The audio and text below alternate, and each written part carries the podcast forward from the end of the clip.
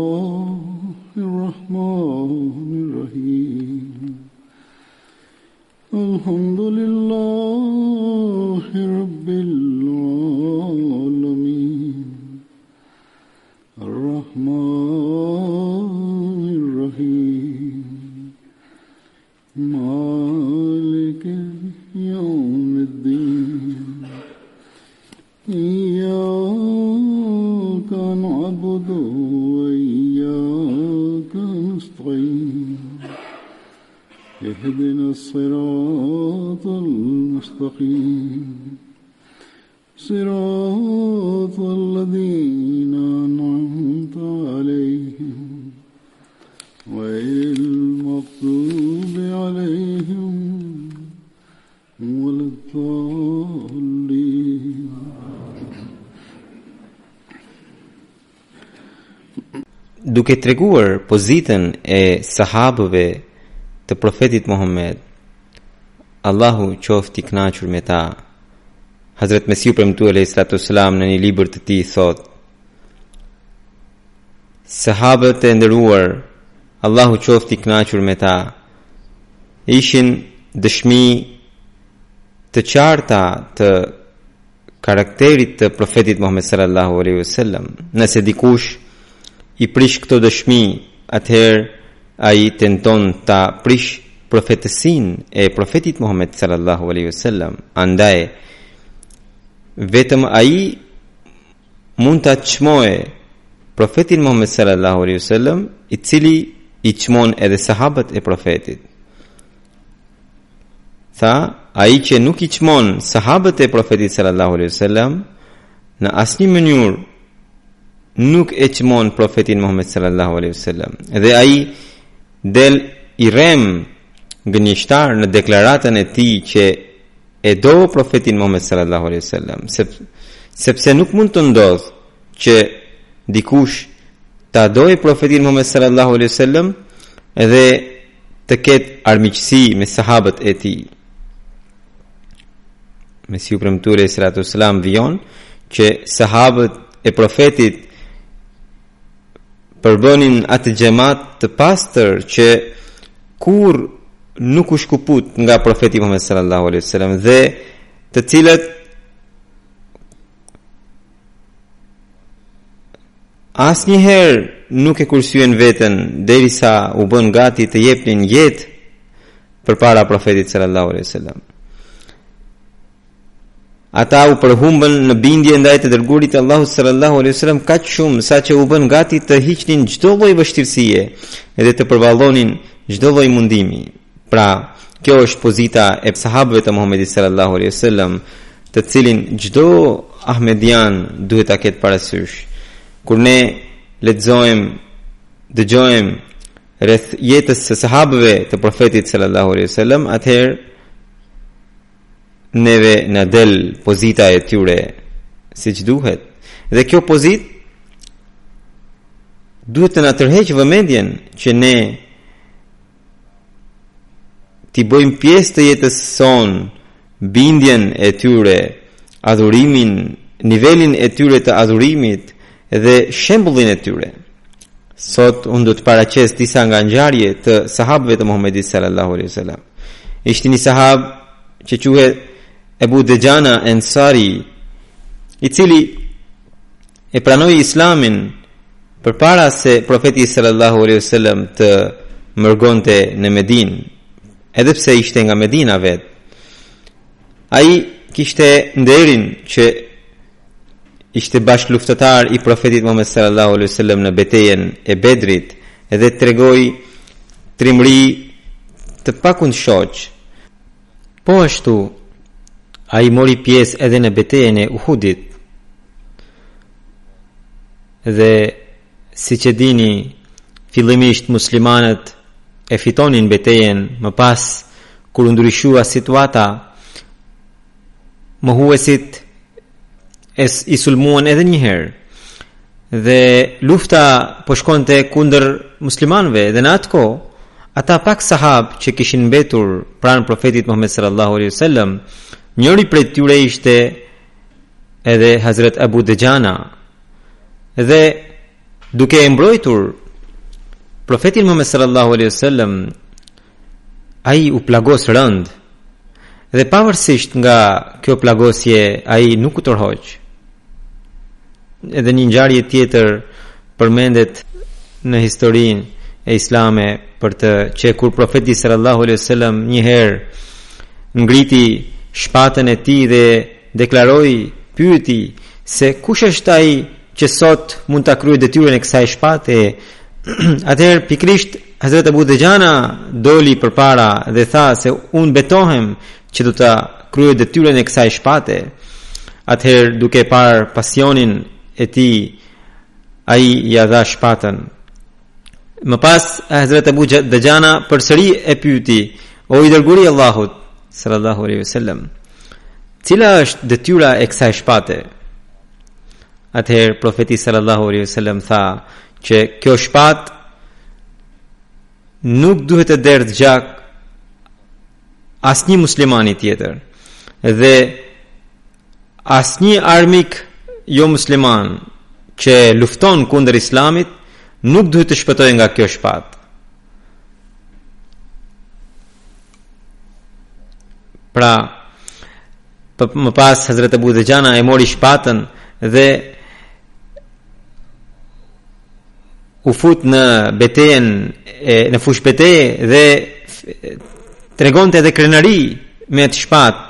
Dhe i dërguari i Allahut sallallahu alaihi wasallam tha që në përgjithësi krenaria është e ndaluar, por sot në fushëbetejë Kjo ecje krenarie i pëlqeu shumë Allahut të Madhërishëm. Në betejën Jamama, Hazrat Abu Duxhana duke luftuar kundër Muselma Kedhabin, ra dëshmor. Ai me një trimëri të jashtëzakonshme arriti ta hapte derën e kështjellës sepse Muselma Kedhabi ishte mbyllur në kështjellë e kishte mbyllur dyert dhe ai u tha sahabëve të tjerë që ta hidhnin përtej murit ishte një mur rrethues shumë i lartë edhe kur sahabët e hodhën atij iu thye këmba po prapëseprapë ai Duke luftuar ushtarët që ishin brenda kështjellës, arriti ta hapte portën edhe në këtë luftim ra dëshmor. Pra, ishte një trim i jashtëzakonshëm.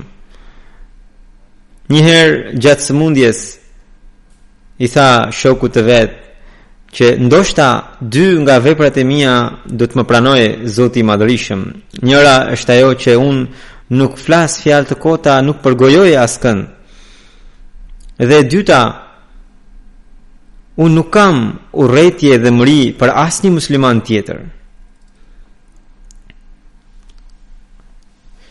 Një sahab tjetër është Hazret Muhammed bin Muslima, i cili është ndër muslimanët e parë të Medinës. Edhe ky gjithashtu ishte një trim ai ishte bashkë me profetin sallallahu alaihi wasallam në betejën e Uhudit dhe me shumë qëndrueshmëri e mbrojti profetin sallallahu alaihi wasallam një veçanti e këtij sahabi është që Profeti sallallahu alaihi wasallam bëri një profeci në lidhje me të dhe ajo u përmbush.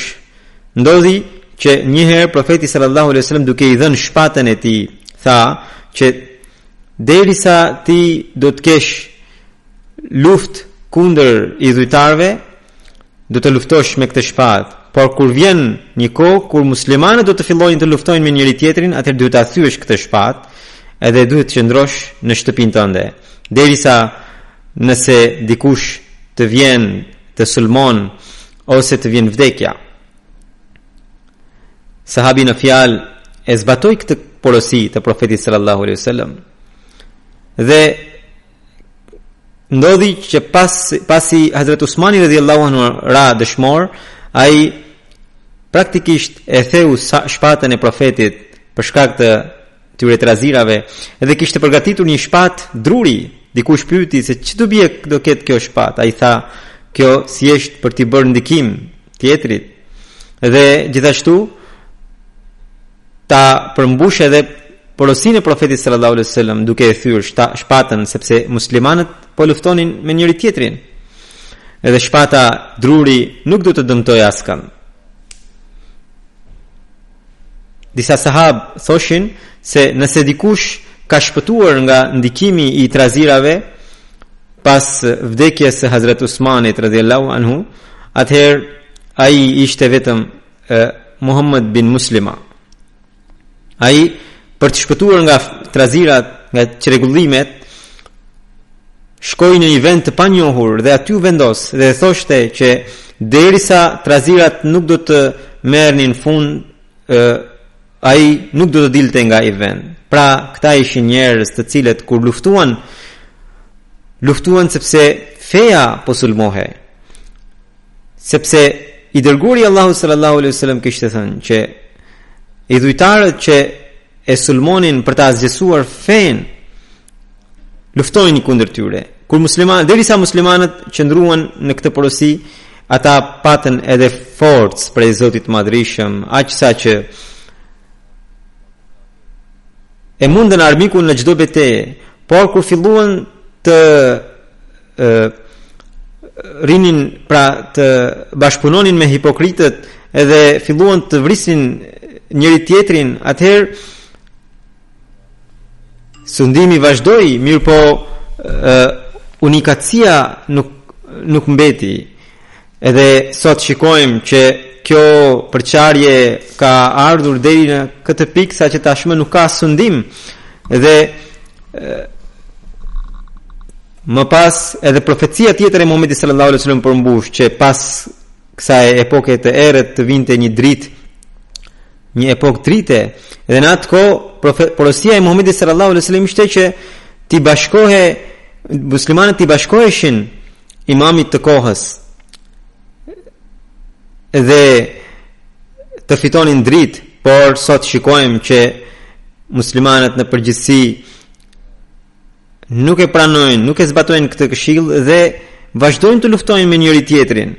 Dhe rezultatin e shikojmë që praktikisht bota jomuslimane sot po sundon botën muslimane. Hazret Muhammed bin Muslima ishte shumë i mençur. Ka shumë rrëfime edhe për këtë fakt. Edhe për këtë arsye, kalifët e profetit sallallahu alaihi wasallam e besonin shumë, sidomos Hazrat Omeri dhe Hazrat Osmani radhiyallahu anhum. Ati atë e ngarkoi me disa përgjegjësi të mëdha.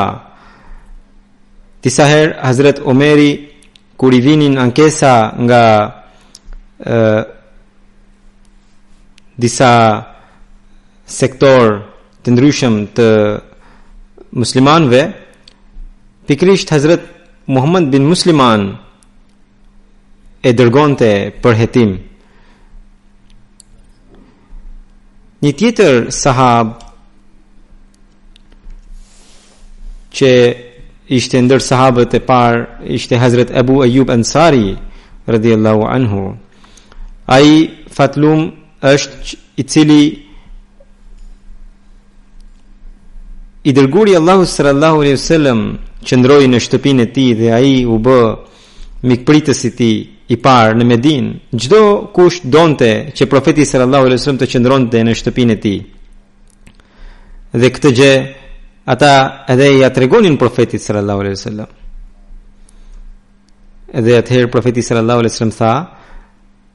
Lëreni devenë time, ajo do të ndalet aty ku Zoti i Madhërishëm dëshiron.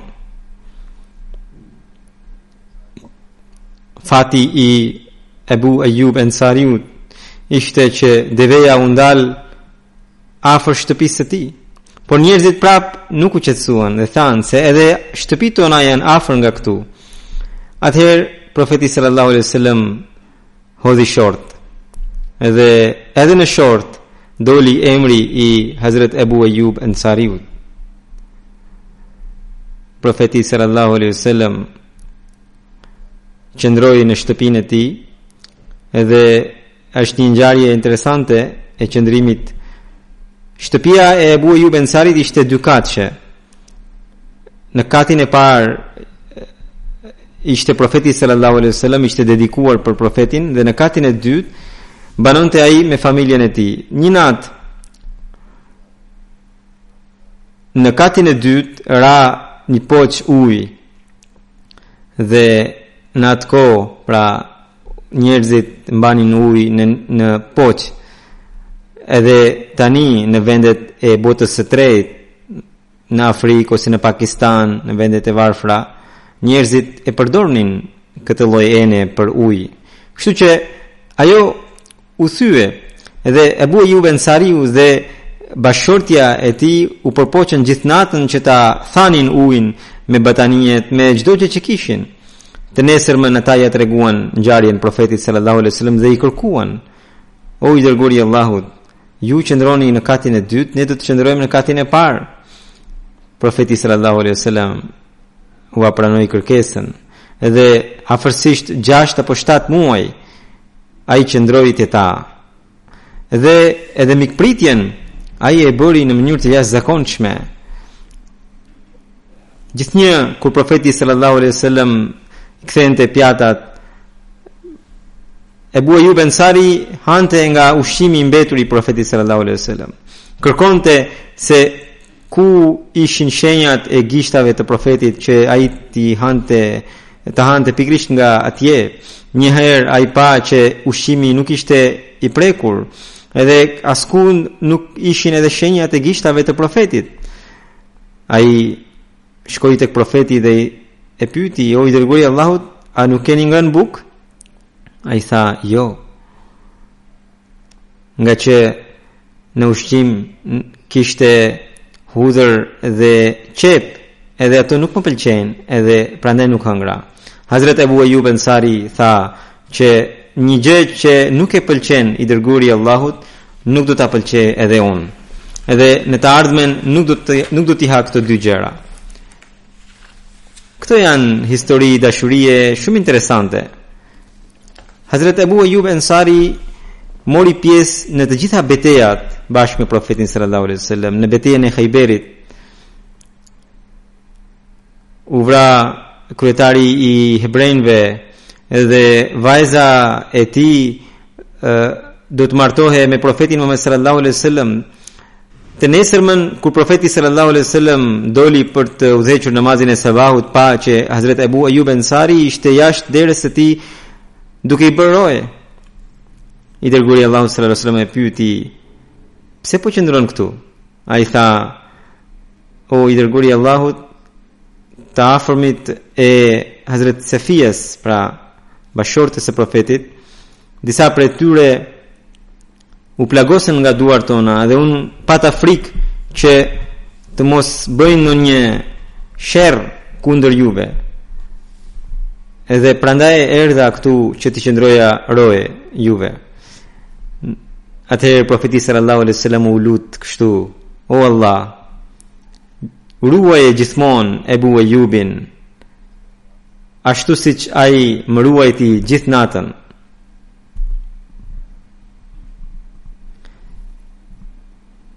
Hazret Ebu Ejub mori pjesë edhe në betejën e Romës, pavarësisht se ai ishte shumë i moshuar në atë kohë, edhe mori pjesë vetëm që ta shikonte me sy profecinë e profetit sallallahu alaihi wasallam rreth Konstantinopojës. Por gjatë rrugës ai edhe u sëmur dhe kur besimtarët e pyetën dëshirën e tij të fundit, ai tha që thuajini selam gjithë muslimanëve, edhe varrin tim ma bëni në vendin sa më të thellë të e, armikut. Pra, kështu që gjatë natës muslimanët shkuan aq sa kishin mundësi në zonën e armikut, edhe aty e varrosën. Varri i tij edhe sot e kësaj dite ruhet në Turqi, Dhe ata që kanë parë tregojnë ka rrëfime që disa njerëz luten Zotit atje edhe lutjet e tyre pranohen, por aty ka edhe shumë bidate. Njerëzit që i luten atij është bidat. Po sido që të jetë nganjëherë këto gjëra edhe mitizohen. Lutja që kishte bërë profeti Muhammed sallallahu alaihi wasallam për mbrojtjen e tij, rezultati i saj është që ai mori pjesë në shumë beteja dhe çdo herë u kthye i ngadhënjyer, i fituar dhe pati një jetë shumë të gjatë. Një tjetër sahab i profetit Muhammed sallallahu alaihi wasallam ishte Hazret Abdullah ibn Rawaha, i cili ishte dhe poet i shquar i Arabisë dhe në historinë islame njihet si poeti i të dërguarit.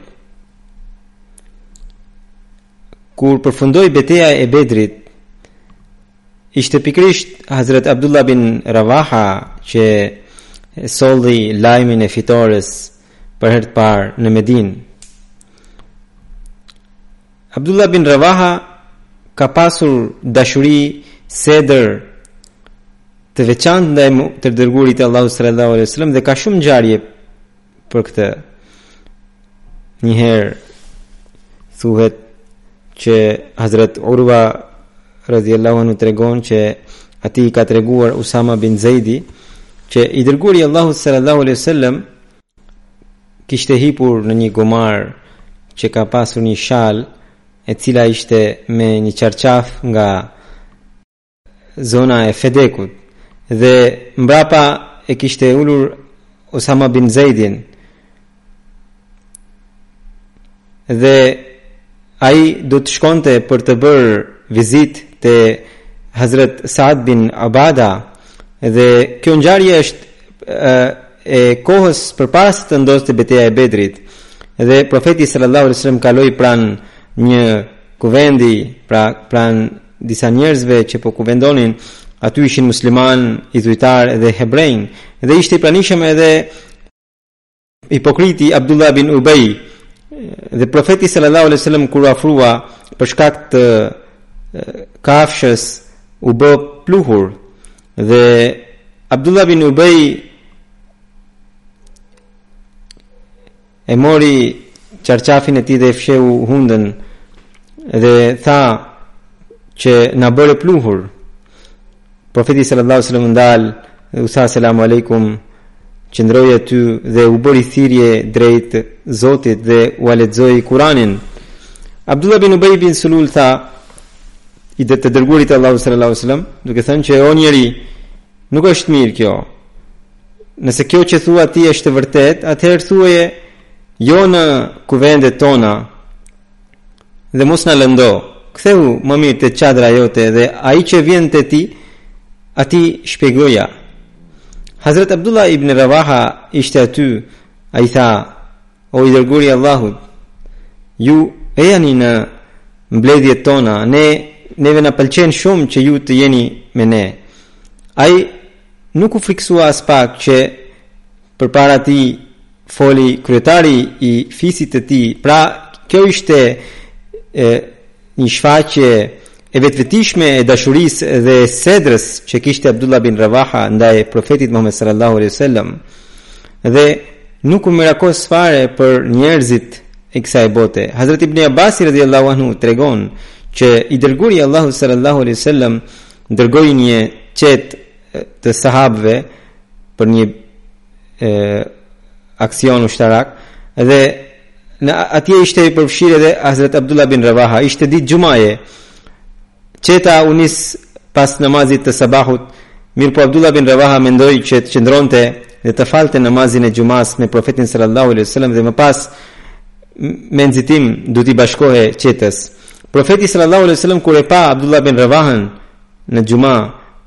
Pas faljes së xhumasë iu drejtua: Çfarë të pengoi ty që të mos shkoje me shokët? Ai tha, o i dërguari i Allahut, kisha shumë dëshirë që të falja namazin e xhumas me ju, të dëgjoja hutben tuaj.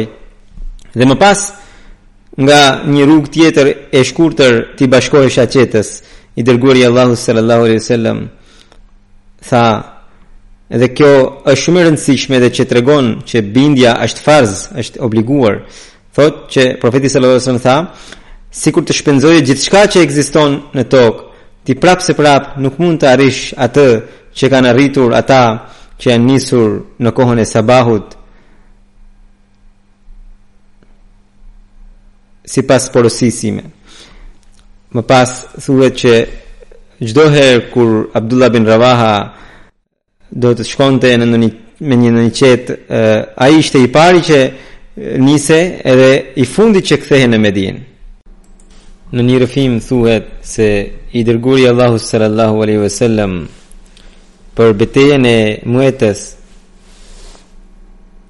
caktoi Hazret Zejd bin Harthan, komandantin e ushtrisë, dhe tha se nëse ky do të martirizohej, do të bëhet komandant Hazret Xhafer, Xhafer bin Abi Talibi, nëse edhe ai do të bjerë dëshmor, atëherë do ta marrë komandën Abdullah bin Ravaha, dhe edhe nëse ai martirizohet, atëherë muslimanët le të zgjedhin emirin e tyre kë të dojnë.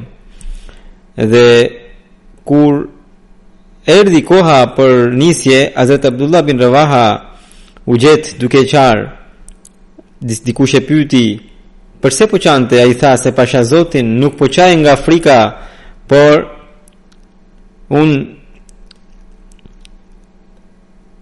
Nuk kam asnjë dashuri ndaj kësaj bote, por shqetësohem për ajetin ku thotë wa in minkum illa wariduha kana ala rabbika hataman maqziya dhe i dërguari i Allahut sallallahu alaihi wasallam për këtë ajet tha se çdo njeri do të shijojë zjarrin andaj unë nuk di se pas largimit nga kjo botë kur do ta të kaloj urën sirat cila do të jetë gjendja ime Por i dërguari i Allahut sallallahu alaihi wasallam ka dhënë edhe lajme të mira për fundin e mbarë të këtyre njerëzve. Sidomos të atyre që ranë dëshmorë në betejën Mueta. I dërguari i Allahut sallallahu alaihi wasallam tha që liderët e betejës Mueta, liderët muslimanë tha, unë i kam parë në xhenet të ulur në fron floriri.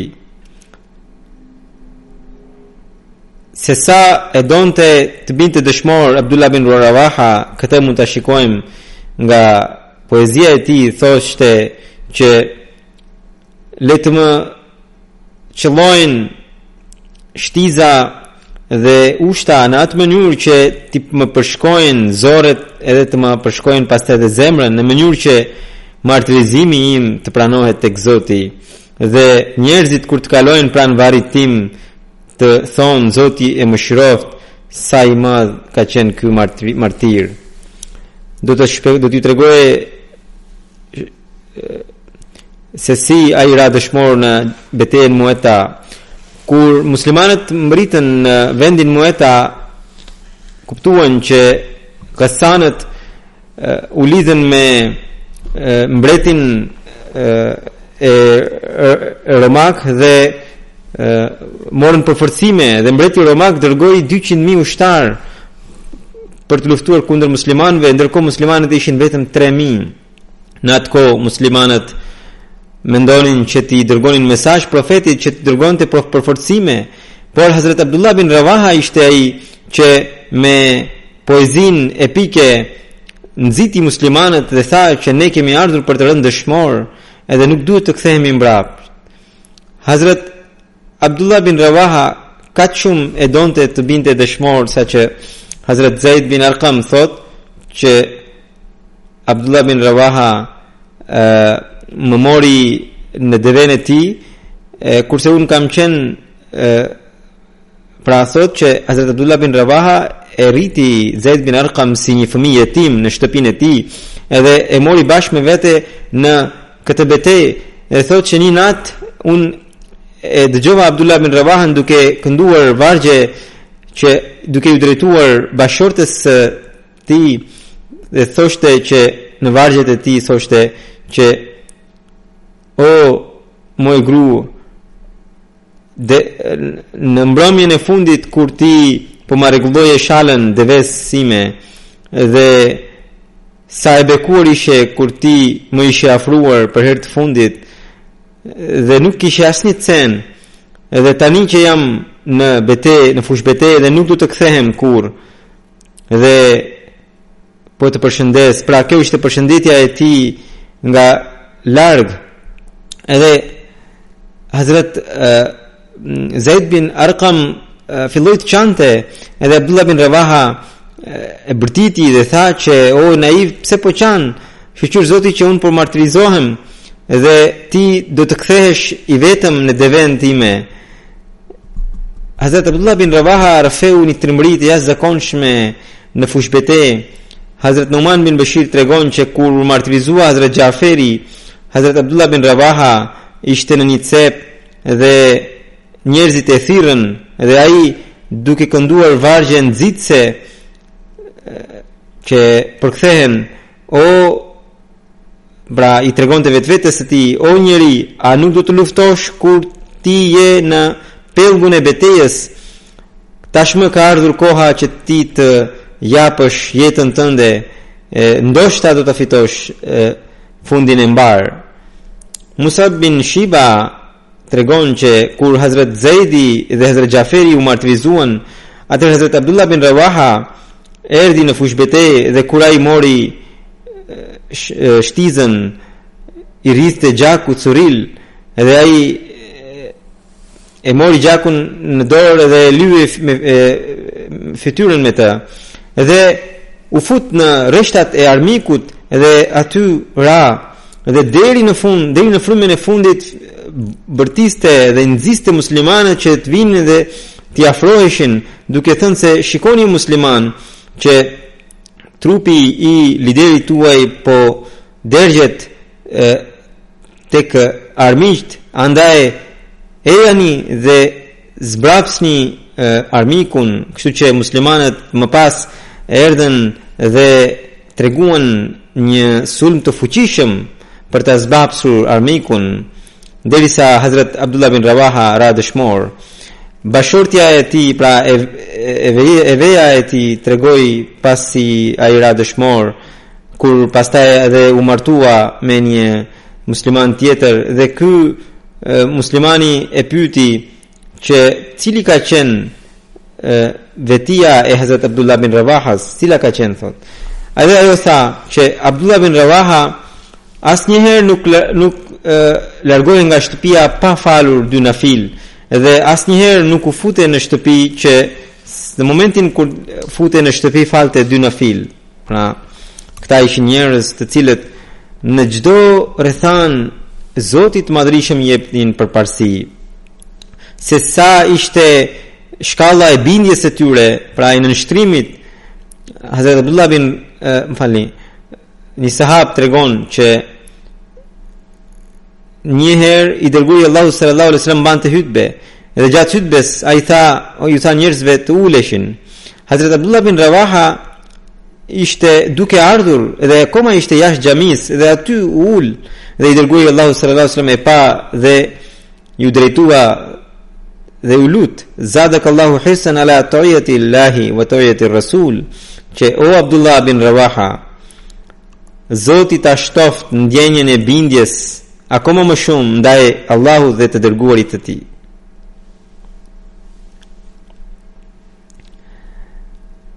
Ai kishte shumë dëshirë të mbante kuvende për të diskutuar për besimin, për Zotin e Madhërishëm, për të përmbushur të drejtat e detyrimet e njëri-tjetrit. Hazrat Abu Darda thotë që unë Gjithmonë kërkoj mbrojtje nga Allahu që të mos kem ndonjë ditë kur të mos e kujtoj Abdullah bin Ravahan. Çdo ditë unë e kujtoj atë. Edhe arsyeja është një veti e tij që ai sa herë që takohej me mua, nëse ai më vinte nga mbrapa, më vendoste, vendoste dorën mbi supin tim, Edhe nëse vinte nga para, vendoste dorën në kraharorin tim dhe më thoshte, O Abu Derda, hajde ulemi pak edhe ta freskojmë besimin, të flasim për besimin. Më pas ulej me mua dhe derisa gjenim kohë, ne e përkujtonim Allahun e madhërishëm dhe më thoshte se pikërisht ky është kuvendi i besimit. Në këtë mënyrë pra, këta njerëz që mbanin kuvende të besimit, na treguan shembuj të tyre. I dërguari Allahut sallallahu alaihi wasallam kaq shumë i pëlqente kuvendet dhe bisedat e Abdullah bin Rawaha saqë Hazrat Anas tregon që Abdullah bin Rawaha kur takonte ndonjë sahab të tij thoshte që ta ta ala numin bi rabbina sa'a domethënë hajde Besojmë për e, pak edhe Zotin e Madhërishëm. Dhe një herë kur këtë gjë ia tha një njeriu ai u zemërua dhe erdhi tek profeti sallallahu alaihi wasallam dhe tha që o i dërguari Allahut Ibn Rawaha po thoka që e, hajde besojmë pak Zotin e Madhërishëm, kështu ai po largon bes, nga besimi tek ju. I dërguari Allahut sallallahu alaihi wasallam tha,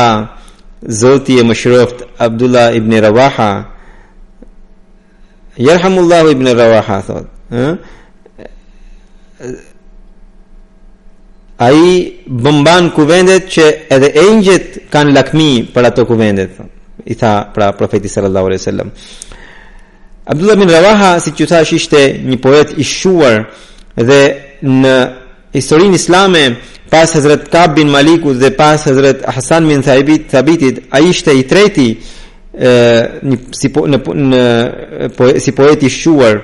Ai shkruante poezi epike, autori i Mojëmu Shora thotë që ai ishte i shquar edhe në kohën paraislame dhe edhe në kohën pasislame.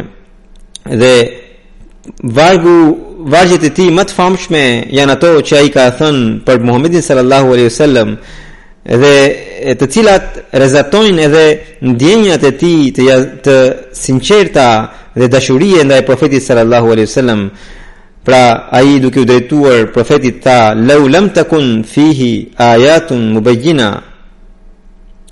kanat bedihetun tunbika bil khabër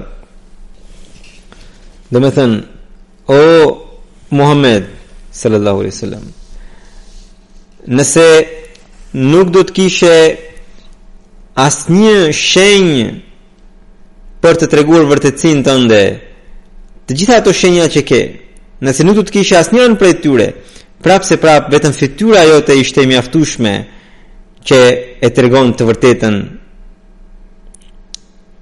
pra këta ishin njerëz që ishin të dashuruar marrëzisht ndaj profetit sallallahu alaihi wasallam dhe që e njohën vetëm duke e parë fytyrën në historinë islame përmenden dhe dy djelmosha guximi i tyre ishte i jashtëzakonshëm Muaz bin Haris bin Rëfa'a dhe Muavëz bin Haris bin Rëfa'a. Të dy morën pjesë në betejën e Bedrit dhe ishin kanë dhënë dhanë kontributin e tyre për të vrarë Abu Jahlin. Ishte fushbeteja e Bedrit dhe lufta po bëhej me zjarr e me hekur dhe përpara muslimanëve ishin ishte një ushtri trefish më shumë i cili e cila ishte pajisur me çdo lloj arme të kohës dhe kishte dalë me vendimin që do ta shfaroste emrin e Islamit nga kjo botë. Muslimanët të gjorë ishin shumë pak në numër dhe këtë ngjarje tregoi Hazrat Mirza Bashir Ahmed Sahibi në librin e tij Sirat Khatamun Nabiyyin. Pra aty ai duke i rrëfyer këto ngjarje tregon që muslimanët ishin të varfër, të larguar nga vendi i tyre, emigrant edhe përpara mekasve ata ishin gjahu që mund të bëhej brenda pak minutash por dashuria ndaj Allahut dhe të profetit sallallahu alaihi wasallam i kishte bërë të tillë saqë ata përbënin ushtrinë më të fuqishme në botë Dhe forca e tyre ishte pikërisht besimi i gjallë, i cili u kishte dhënë një një fuqi të jashtëzakonshme. Andaj, në fushëbetejën e Bedrit, ata rrëfenin trimëri secili prej tyre më mirë se tje, një se tjetri. Dhe kështu ensarët sidomos kaq shumë ishin të pasionuar sa që Hazrat Abdurrahman bin Aufi radhiyallahu anhu tregon që kur filloi lufta e përgjithshme unë pashë djathtas e majtas dhe pashë që kisha dy djelmosha të Medinës dhe unë u frikësova sepse në një betejë të tillë Për të luftuar sa më mirë duhet t'i kesh të fuqishëm të dyja krahët. Dhe vetëm ai mund të luftojë mirë që ka edhe krahun e djathtë të fuqishëm, edhe krahun e majtë të fuqishëm. Edhe ndërkohë që po mendoja se këta dy djelmosha si do të më mbrojnë. Njëri prej tyre më pyeti me zë të ulët, sikur nuk donte t'ia tregonte djalmoshit tjetër, pra djalit tjetër, sekretin e tij dhe pyeti ku është Ebu Xhehli o xhaxh. Unë dua ta unë u betova e, në Allahun që do ta vras ose do të do të bëj do të jap kontribut për ta vrarë Ebu Xhehlin. Edhe akoma nuk i kam dhënë përgjigje atij thotë Abdurrahman bin Aufi që tjetri më bëri të njëjtën pyetje. Edhe unë u habita nga guximi i tyre, sepse Ebu Xhehli rrethohej nga një grup ushtarësh shumë të fuqishëm dhe Abdurrahman bin Aufi unë tha që unë e ngrita dorën dhe sapo u tregoja se aty është Ebu Xhehli që që të dy djelmoshat ndërsyen si një shqiponje e egër dhe i çanë radhët derisa mbërritën te Ebu Xhehli dhe e rrëzuan nga kafsha e tij edhe babai më falni, djali i tij Akrama nuk arriti ta shpëtonte dot babain por nga mbrapa e qëlloi Muadhin me shpatën e tij aq fuqishëm saqë ia preu dorën Dora e Muadhit vazhdonte të zvarritej bashkë me me Muazin, mirëpo ngaqë po bëhej pengesë në luftë, Muazi e çau dorën, e coptoi dhe hodhi poshë që të mos bëhej pengesë.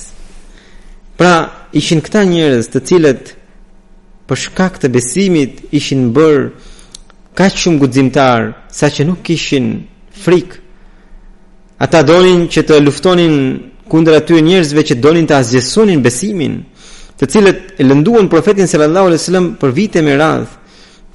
Këta njerëz nuk janë si xhihadistët e sotëm, të cilët i radikalizojnë fëmijët pra të rinjtë, duke u thënë hajdeni luftojmë në emër të Islamit.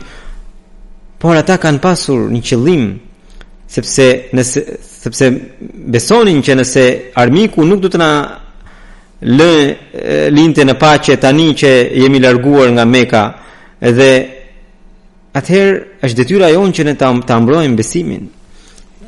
Jo për të luftuar, por për të vendosur paqe. Ndërkohë sot xhihadistët e sotëm me zor i marrin djem të rinj dhe i radikalizojnë ditët e fundit ishte një lajm që një djalë 14 vjeçar shpëtoi nga Siria dhe doli dhe ai tregoi që unë po shkoja në shkollë më rrëmbyen dhe më detyruan të t'u bashkohesha në luftë edhe pse nuk e pranoja por ata më bënë me zor. Pra, kjo është sjellja e tyre që është krejtësisht kundër mësimeve të Islamit. Islami nëse bëri luftë, arsyeja ishte vetëm që ta mbronin besimin dhe të vendosnin paqe.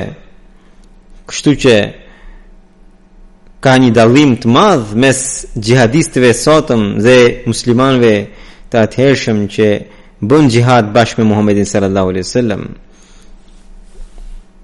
Hazrat Mesihu i Premtuar alehi salatu wassalam thotë Pikërisht këtë shembull të sahabëve Unë dëshiroj ta shikoj në xhematin tim që ata t'i japin përparësi Allahut të Madhërishëm. Asnjë pengesë të mos kenë në këtë rrugëtim. Pasurinë dhe jetën ta quajnë asgjë në këtë rrugëtim. Unë shoh që mua më vijnë letra dhe dikush ka probleme në tregti, dikush ka pasur ndonjë vështirësi tjetër, edhe menjëherë bien në dyshime që mos kam gjet, mos, mos kam pranuar ndonjë rrugë të gabuar. Pra, në lidhje me Mesihun e Premtuar alejhi salatu uesselam, ata dyshojnë kur bien këto e, e, sprova. Tani mendoni, thotë Mesihu i Premtuar alejhi salatu uesselam, sa larg janë këta njerëz nga Jeta e sahabëve të Profetit sallallahu alaihi wasallam. Sahabët donin që ta kënaqnin, që të fitonin pëlqimin e Allahut. Sado vështirësi të shikonin gjatë kësaj rruge. Kur një një sahab nuk nuk futej në telashe, ai qante dhe brengosej që mos kam ndonjë gabim, sepse ata e dinin që sprovat janë ato që do t'u sillnin afrim me Zotin e Madhërishëm. ata besonin që pikërisht nën sprovat qëndron pëlqimi i Allahut të madhërishëm në një në dy vargje perse ai thotë pra përkthimi i tyre është që ai që vjen me vendosmëri drejt Zotit dhe Gjen një sprovë, poshtë asaj sprove gjendet një thesar i madh. Dhe thotë Mesihu i Premtuar alejhi salatu uesselam, Kurani famëlartë është i mbushur me lëvdata ndaj sahabëve. Allahu i madhërishëm thotë në lidhje me to, me ta, minhum man qada nahbahu wa minhum man yantazir. Që disa prej tyre e arritën qëllimin, ndërsa disa të tjerë janë në pritje.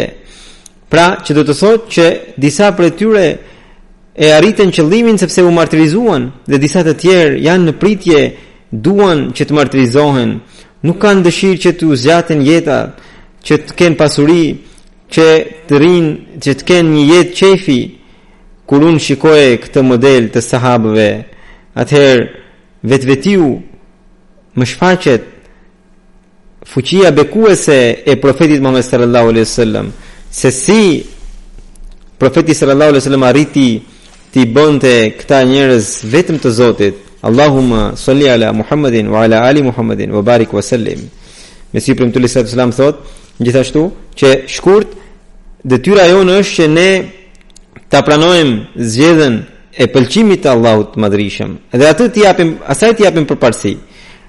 E gjithë përpjekja jonë duhet të jetë për ta fituar pëlqimin e Allahut, edhe sikur ai pëlqim gjendet mes të sprovave, vështirësive. Ky pëlqimi i Allahut është shumë më i bekuar sesa çdo gjë që gjendet përpara botës dhe çdo kënaqësi tjetër.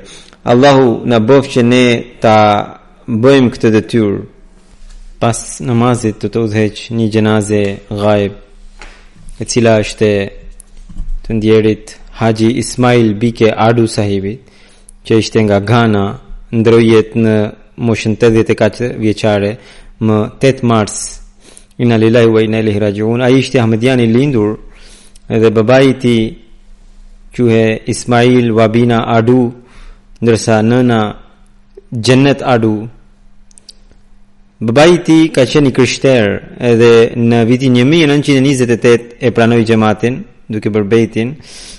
Ismail Adu sahibi uh, Ismail Adu sahibit i, ke, i kishte vdekur nëna kur ai ishte shumë i vogël.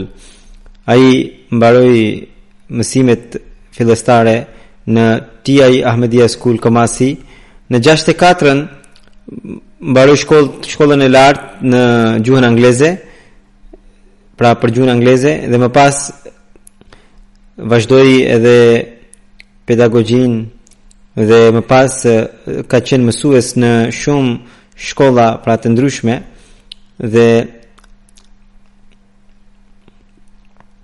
Më pas u vendos në Saltpond Central Region dhe aty gjithashtu vijoi mësimdhënien dhe sidomos me muslimanët pra me nxënësit muslimanë ai ndihmonte madje në një shkollë arriti të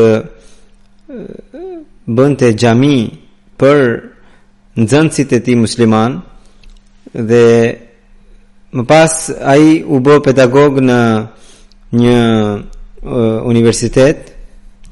Pastaj ai shkroi edhe një libër për mësimet e gjuhës angleze, libër i cili është mjaft i shquar në Ghana dhe Nigeria, edhe është pjesë e kurrikulumit është pjesë e planit mësimor të shkollave. Ai vazhdoi mësimet edhe në Belgjikë dhe më pas edhe në Angli. Në për sa i përket shërbimeve të tij të xhematit, ai në vitin 1980 ai shërbeu në poste të ndryshme, në vitin 1980 ai ishte ambasadori i Ganës në Etiopi dhe më pas u caktua drejtor i një kabineti nga organizata e kombeve të bashkuara dhe Ai dha kontributin e tij të vyer në pa, për të për të dhënë pa, për të mundësuar pavarësinë Mozambikut dhe Angolas. Ai ishte edhe ambasador i Ganës në edhe në Libi. Veçantia ishte që e tij ishte që jepte përparësi besimit mbi botën pas e, mërgimit të Hazret Kalifit të katërt pra nga Pakistani këtu në Angli, edhe ai i dha lamtumirë karrierës së tij politike dhe erdhi u vendos në Angli me gjithë familjen e tij dhe filloi të shër, të shërbente si mësues i thjeshtë. Kishte dashuri shumë të veçantë ndaj kalifatit.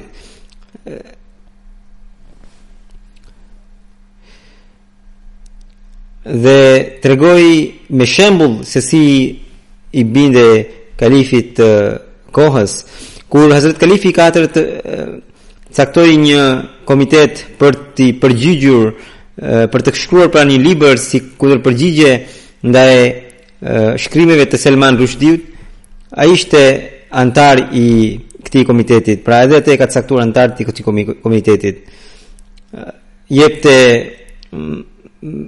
pra bënte tablig çdoherë kudo që shkonte bënte tablig dha emisione për tablig edhe në radio shumë herë në 86-ën Hazrat Kalifi i 4 themeloi eh, Ahmed eh, Pan Africa Ahmadiyya Association of Pan Africa dhe ai ishte pikërisht ai u caktua eh, drejtori I parë presidenti i parë i kësaj organizate ishte edhe presidenti i xhamatit në Peckham, pra një xhamat në Angli. Në 94-ën Hazrat Kalifi i katërt kur e nisi kanalin MTA, edhe nisi edhe klasë një një një mësim për të mësuar gjuhën angleze. Edhe ai ishte një nxënës i i i këtij emisioni dhe ishte i mjaft i shquar me emrin Bara Baça, domethënë nxënësi i madh. Ai ka pasur dy bashkëshorte. Ai ishte dhe anëtari i kolegjit elektoral që të të të kalifatit pas gjatë vdekjes së kalifit të katërt kur Xhamia Ahmedia nisi në Angli ai për njëfarë kohe dha mësimin në gjuhën angleze edhe në xhamia ishte njeri me shumë takva shumë i dhembshur Edhe kishte pasion shumë edhe në adhurim. Gjithmonë e falte, pra rregullisht e falte namazin e tahajjudit, edhe kur sëmurej nuk mungonte në namazin e tahajjudit. Kur'anin e madhërishëm e recitonte me shumë zë të ëmbël dhe me, me dhimbje. Shumë ajete i kishte mbajtur mend për mend, madje edhe përkthimet e tyre ajeteve, madje edhe edhe komentimet, që t'i hynin në punë gjatë tabligut, madje disa banorë të Ganës më thonë se ata kanë kopjet e Kuranit, që ku Adu Sahibi ka shënimet, Në dy mijë e pesën, i ndjeri pati mundësinë të bënte haxh me të dyja bashkëshortet e tij. Ishte shumë i buzëqeshur, shumë njeri i thjeshtë. Allahu ia ngrittë nivelet në xhenet, e mëshiroftë. Dhe ai la pas 10 djem e vajza dhe 23 nipër e mbesa. Allahu mundësoftë edhe këtë edhe këtë gjener pra fëmijët e tij dhe fëmijët e fëmijëve të tij të mbetin në takva dhe të jenë të lidhur me xhamatin pas namazit siç u thashë do ta udhëheq unë xhenazën e tij gaib.